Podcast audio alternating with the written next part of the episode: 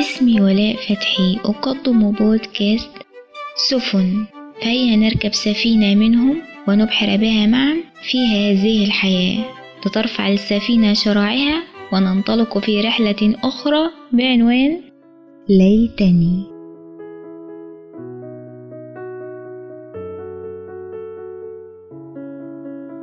هل شعرت بالندم؟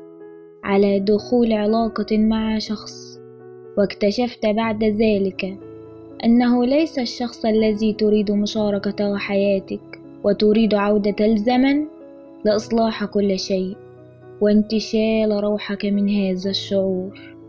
أم أنك أرسلت رسالة وأوتار قلبك تعزف وأنت تجول في حروفها وعند مقابلتها برد أرعن ندمت على إرسالها أو تلك المقبرة التي تقف أمامها وبداخلها شخص عزيز على قلبك وتعود بك الذاكرة لتتذكر نبرات صوته ضحكاته وحتى تفاصيل ملامح وجهه.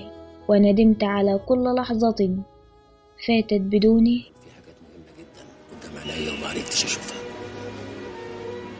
أو شفتها بعد فوات الاوان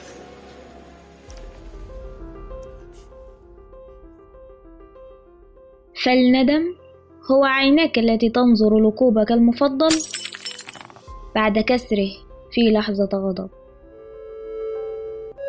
وطائرتك التي تنظر إليها بعد أن فاتت بسبب استيقاظك متأخرا.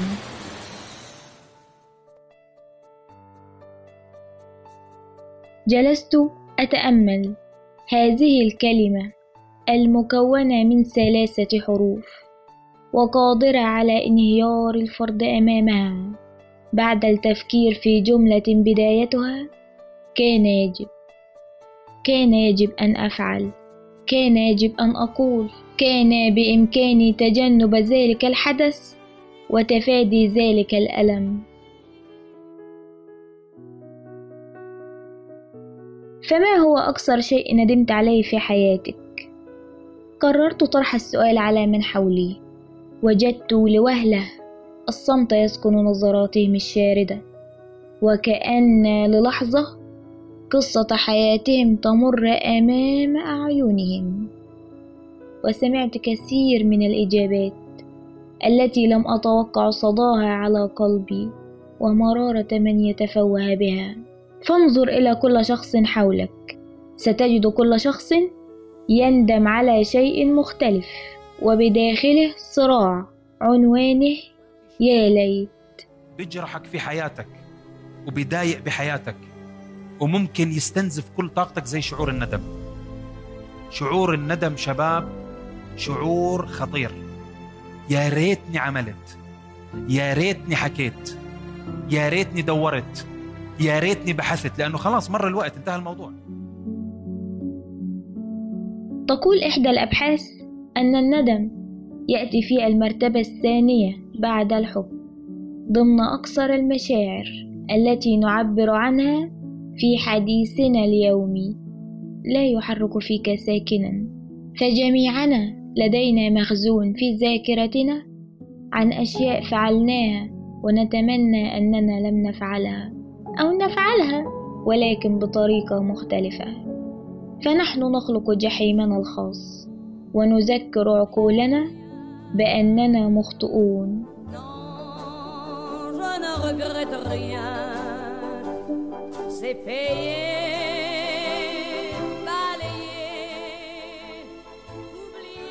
ولنزع عباءة الندم يجب أن تغفر لنفسك أولا. وجدت فكرة مستوحاة من أستاذة بجامعة ستانفورد تدعى تينا سيليغ التي تقول دون جميع أخطائك اليومية وأكتب بجانبها الدرس المستفيد من كل خطأ. فكرة لذيذة. أما الشيء الثاني فهو التقبل. فالحياة لا تخلو من اتخاذ الخيارات الخاطئة والقرارات المتسرعة.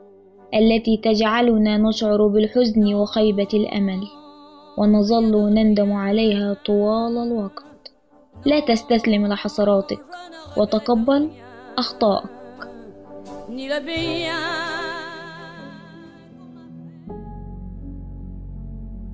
أخيرا الندم هو المرض الذي يأكل في جسدك دون أعراض ظاهرة فيا من أتيت بسكرات الندم أفق وإن كان بإمكانك تغيير ما مضى افعل. وإن لم يكن امضي. فجميعنا لدينا أخطاء. فقط تعلم وانجو بحياتك دون النظر للخلف.